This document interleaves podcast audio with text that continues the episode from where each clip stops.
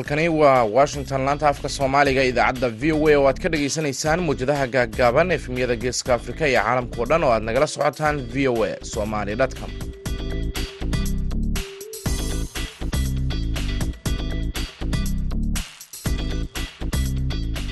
Waa maalin axada bisha oktoobarna waa soddon sannadka labada kun iyo labaiyo labaatanka. Afrikada bari saacaddu waxay tilmaamaysaa kuwda iyo barka duhurnimo washingtonna waa lixda iyo barka subaxnimo idaacadda duhurnimo ee barnaamijka dhallinyarada maanta waxaa idinla socodsiinaya anigoo ah maxamed bashiir cabdiraxmaan.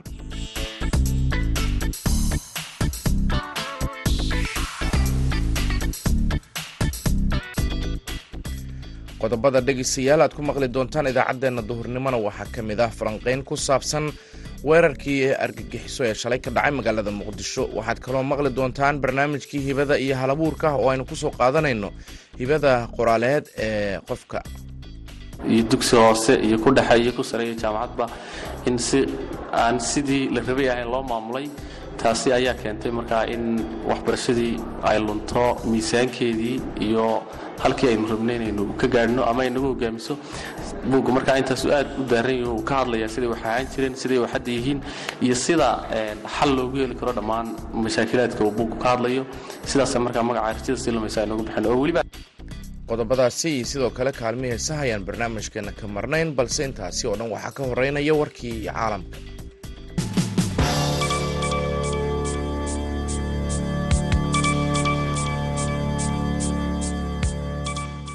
Kooxo la tuhmayo inay yihiin jihaadiyiin ayaa weerar jidgal ah ku qaaday ama ku dilay saddex iyo toban askari oo ka tirsan ciidanka dalka burkina faso. Bariga dalkaasi iyadoo saraakiisha amnigu ay sidaasi u sheegeen a f b waxaana ay yihiin rabshadihii ugu dambeeyey ee gilgilay dalkan ku yaalla galbeedka afrika.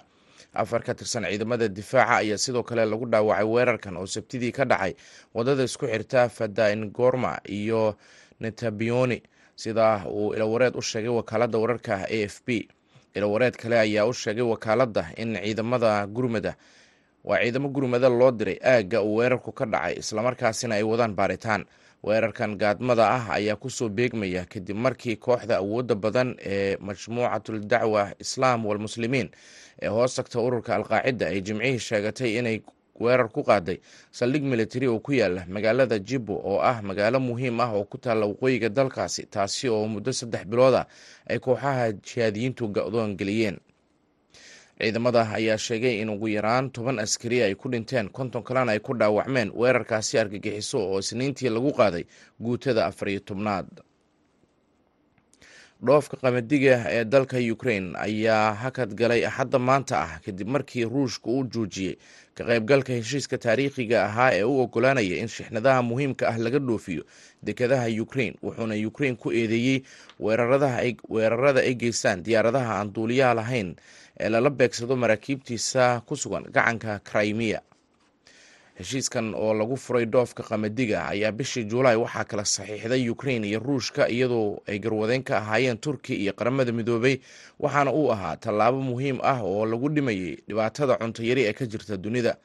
Heshiiskan ayaa u ogolaaday in in ka badan sagaal milyan oo tan oo qamadiga ukraine ah laga dhoofiyo dekadaha dalkaasi waxaana lagu waday in dib loo cusbooneysiiyo sagaaliyo tobanka bisha novembar sabtidii ayuu ruushku sheegay inuu joojinayo ka qaybgalkiisa kadib markii ay ciidankiisu ku eedeeyeen kiyef weerar ba'an oo ay geystaan diyaaradaha droniska lana beegsado maraakiibta ku sugan badda madow taasi oo ukraine ku tilmaantay.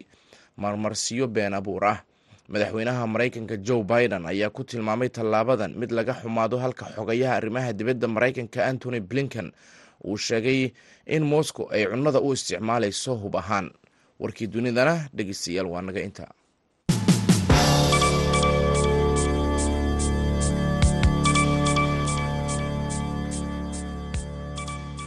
Dhegeystayaal waxaa goordhow nagu soo maqan. Falanqeyn ku saabsan weerarkii shalay ka dhacay magaalada muqdisho balse haatan waxaad ku soo dhowaataan barnaamijkii hibada iyo halabuurka waxaana ku soo diyaariyey magaalada boorama haashim sheekh cumar good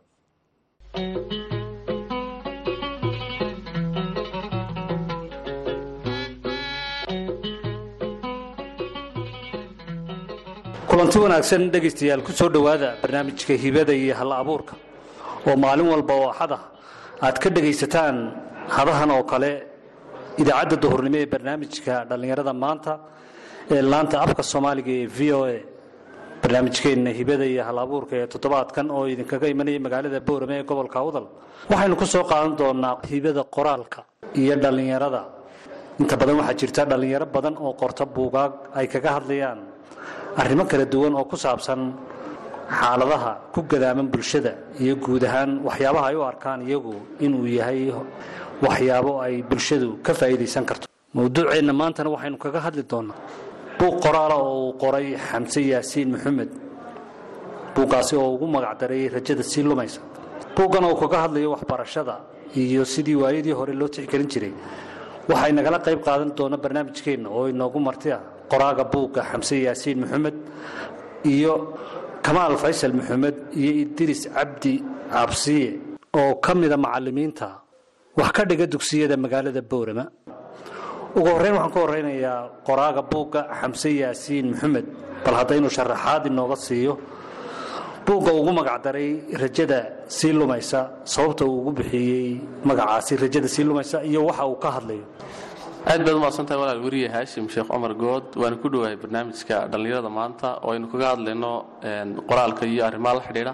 Buuggan aad weydiisay rajada sii lumaysa waxa aynu magacaa ugu bixinay maadaama uu ka hadlayo arrimaha waxbarashada si guud iyo sidii berigii hore ay ahaan jirtay iyo sida hadda waxay isku bedeleen oo kala oo noqotay kaaf iyo kala dheeri. Markii hore waxbarashada iyo macalinka iyo waxaasoo dhan aad baa loo qiimayn jiray.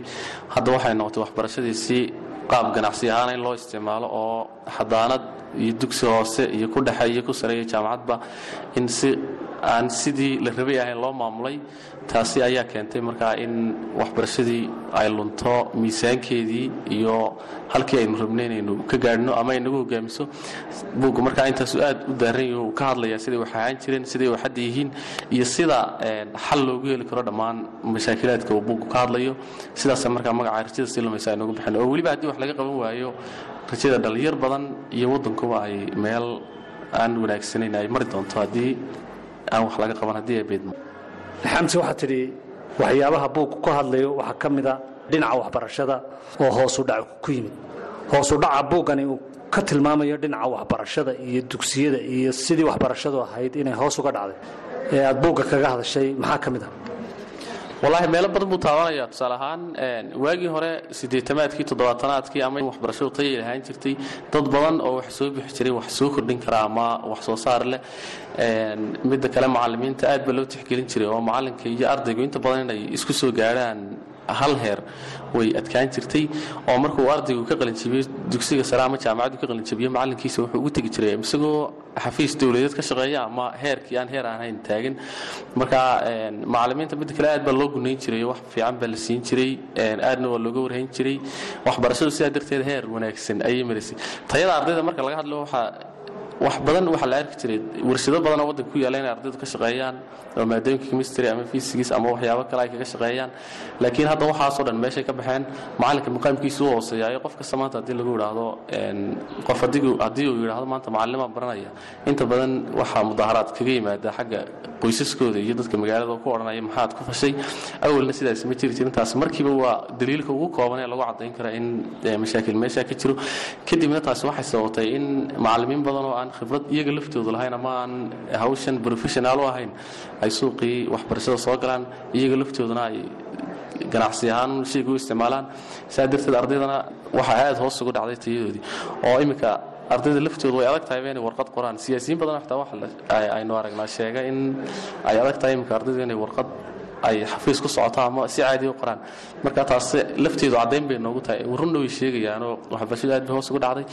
Ta ugu sii darani waxa weyta jaamacadaha oo iminka ay aad u fududahay qofku inuu leysan jaamacadeed hore u helo kadibna markuu helo uu isagu dhismo iska samaysanayo weliba kiraa uu iska kiraysanayo kadibna wuxuu doonuu ku dhigayaa. Saa darteed waxaa dhacda markaa in tayadii ay aad halkaa hoos ugu dhacdo. Jaamacadaha iyo iskuulladuna dhammaantood waxay soo saaraan dadka howlkarka ee bulshada berri ku soo noqon doona. Marka dadkaasi ayaa hoosudhac ku yimiday. Haddii dadkaasi hoosudhaca ku yimid ay suuqa soo galaanna kulley waxay noqonaysaa in iyaga laftooduna sidii la rabay aanay u shaqayn oo ay halkay wax ka hagaajin lahaayeen ay wax ka xumeeyaan maadaama aanay hayn aqoontii iyo kartidii iyo xirfaddii looga baahnaa. Kamaal waxaad ka mid tahay dhallinyarada akhriska jecel. Buuggan uu soo saaray xamse ee ka hadlaya waxbarashada iyo siday wakhtiyadii hore ahaan jirtay iyo sida ay hadda isku beddeshay maxaad adigu buuggaa ka fahamtay?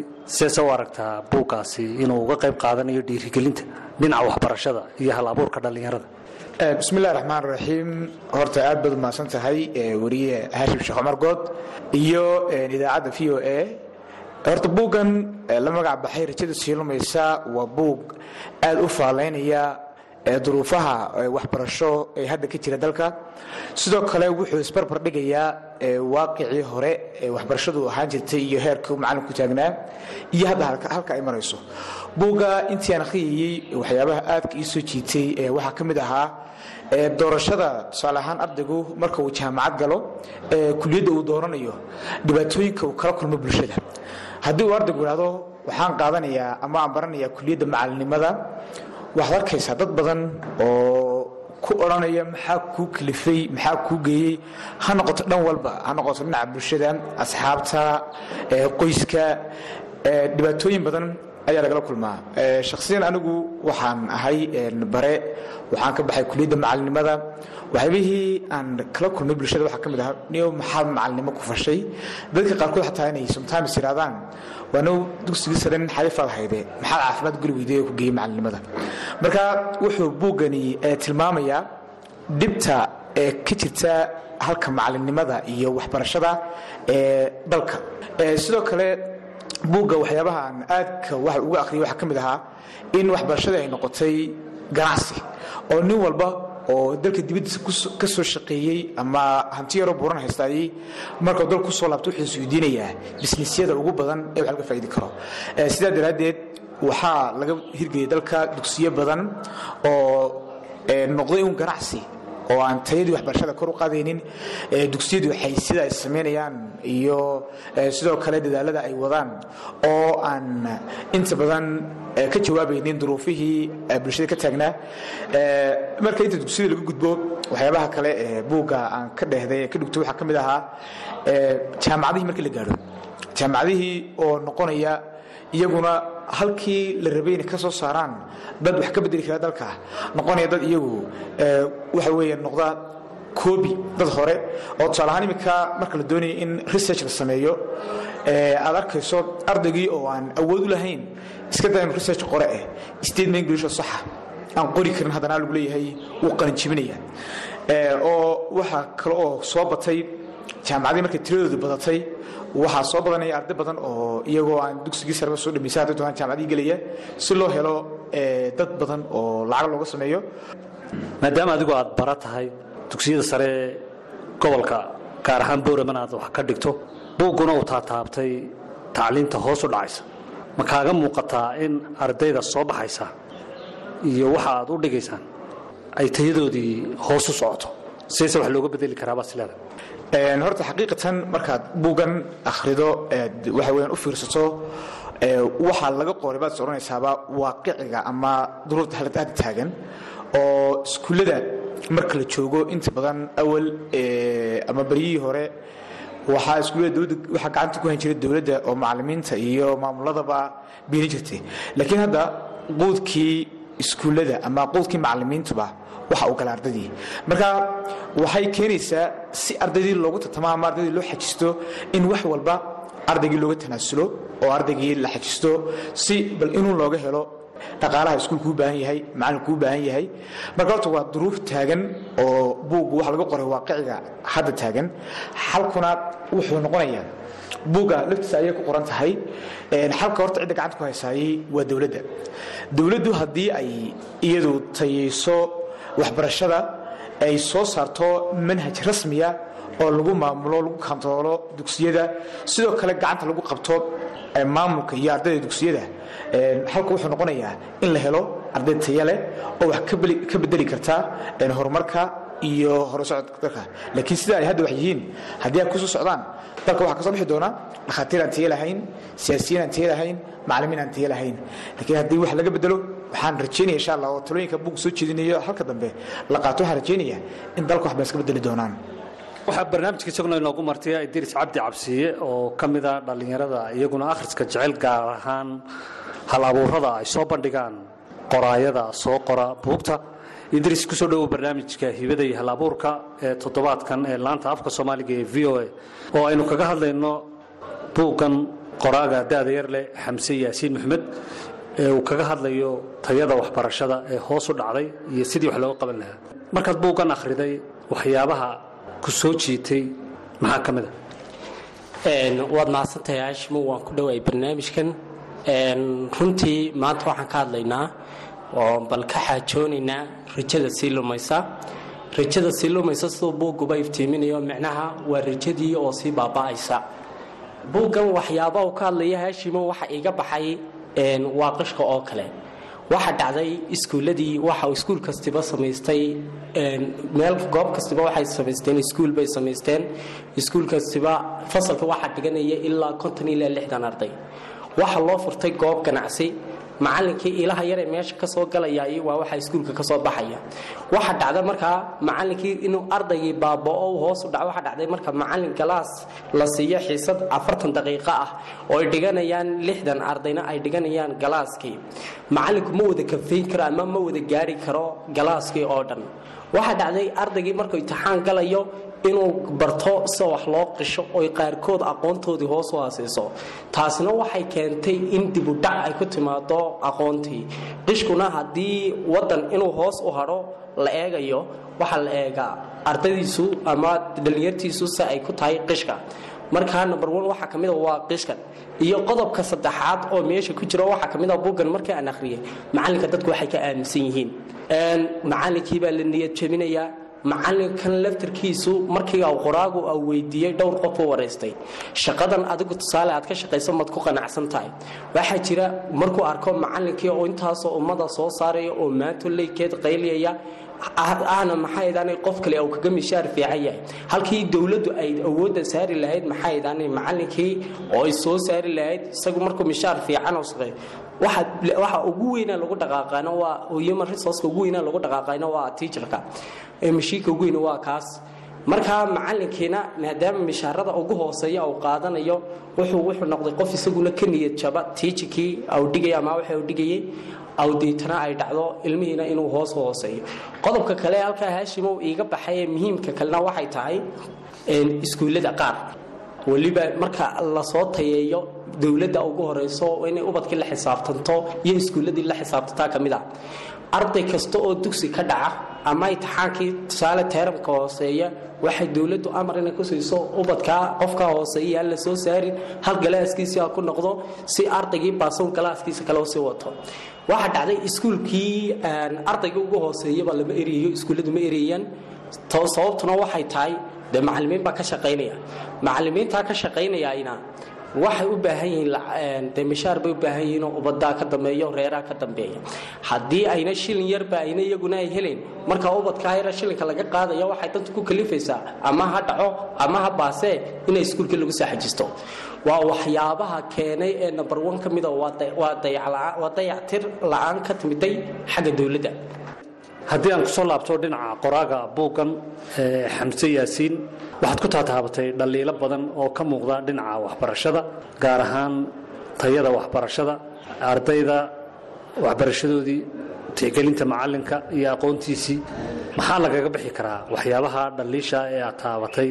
Xalkaygu muxuu yahay buugga ma ku qoran yahay haa haashimuu aad buu ugu qoran yahay buuggu koob iyo toban cutub buu ka kooban yahay. Inta hore waxay sheegaysaa taariikhda iyo wax siday wax isku bedeleen qaybaha ugu dambeeya cutubka ugu dambeeya iyo ka soo horreeyaana waxay sheegayaan xalka xalku markaa wuxuu u muuqdaa inuu ku duldhacayo xagga dowladda sababtoo ah waddan ama dad kastoo wax waxaa waajiba marka hore intaan manhajkaba la diyaarin in la diyaariyo sababta ama waa maxay sababta aynu wax u barayno taasi waxaa loo yaqaanaa afka qalaad philosophy of education. Dadkan wax sababta wax u baranayaan baa marka hore la rabaa in la qeexo waa inaynu halkaa iyo halkaa gaadhno. Kadib baa la samaynayaa manhaj inagu hagaajiya manhaj inagu hagaajiya filosofigii ama ujeeddadii aynu waxbarashada ka lahayn. Marka arrinkaasoo kale la sameeyo kadib waxaa loo baahan yahay in la sameeyo macallimiin tababaran oo si guud si guud iyo si gaara aad loogu tababaray qaybta waxbarista. Kadibna macalimiinta yal marka la soo saaro in iyagana la siiyo waxay xaq u gunno aad u wanaagsan la siiyo maadaama yihiin dadka soo saaraya dhakhtarka iyo injineerka iyo siyaasiga iyo madaxweynaha kulli dadka soo saaraya maadaama yihiin in gunno wanaagsan la siiyo. Kadibna saas darteed bay waxbarashadu kor ugu soo kici kartaa si fiicanna loo maamulo. Buuggan markii aad qoraysay yaa kaa caawiyey maadaama aad tahay wiil dhallinyara soo saaristiisa iyo in la daabaco buugga markii hore aan qorayay laftiisa buugga horta qaab sheeka ahaana buu yahay waxa afka qalaad lagu yidhaahdo noofalka markaa qaybtii hore ee taariikh ahaan iyo siduu macalinku ahaan jiray siduu waxbarashadu ahaan jirtay waxaan ka waray sideed waayeer oo ugu soo joogay. Qaybtan dambena anigaaba waxbarashada ku dhex jiro aad uga warhaya. Saa darteed baan u sameeyey. Buugga waxaynu ku bandhignay xaggan magaalada boorama. Insha alla magaalooyin kalena waynu geyn doonaa maadaama aanan uguba talagelin in buugga wax kharasha laga faa'iido ama wax lacaga sidoo kale waxaan dadka u sheegaynaa in lagu heli karo qaab online ama soft ahaana oo dadku ay kala soo degi karaan degelada aynu ku leenahay baraha bulshada. Intaas waxaynu ku soo gunaanadiinaa kuna soo gebagabaynaynaa barnaamijkeennii hibada iyo hal abuurka ee toddobaadka oo aynu ku soo qaadannay qoraayada iyo hal abuurada iyo buugta ay qoraan dhallinyaradu. Waxaana barnaamijka inagala qayb galay qoraaga buugga xamse yaasiin maxmed iyo laba macalin oo ka mida macalimiinta wax ka dhiga dugsiyada sare ee magaalada boorama oo kale ah kamaal faysal maxamed iyo idris cabdi cabsiye oo marti noogu ahaa waxaa barnaamijkeedii ka soo diyaariyey magaalada boorame ee gobolka awdal anigoo haashim sheekh cumar good tan iyo kulantideenna dambe dhegaystayaal. Waxaan idinkaga tegayaa sidaas iyo nabadgelyo.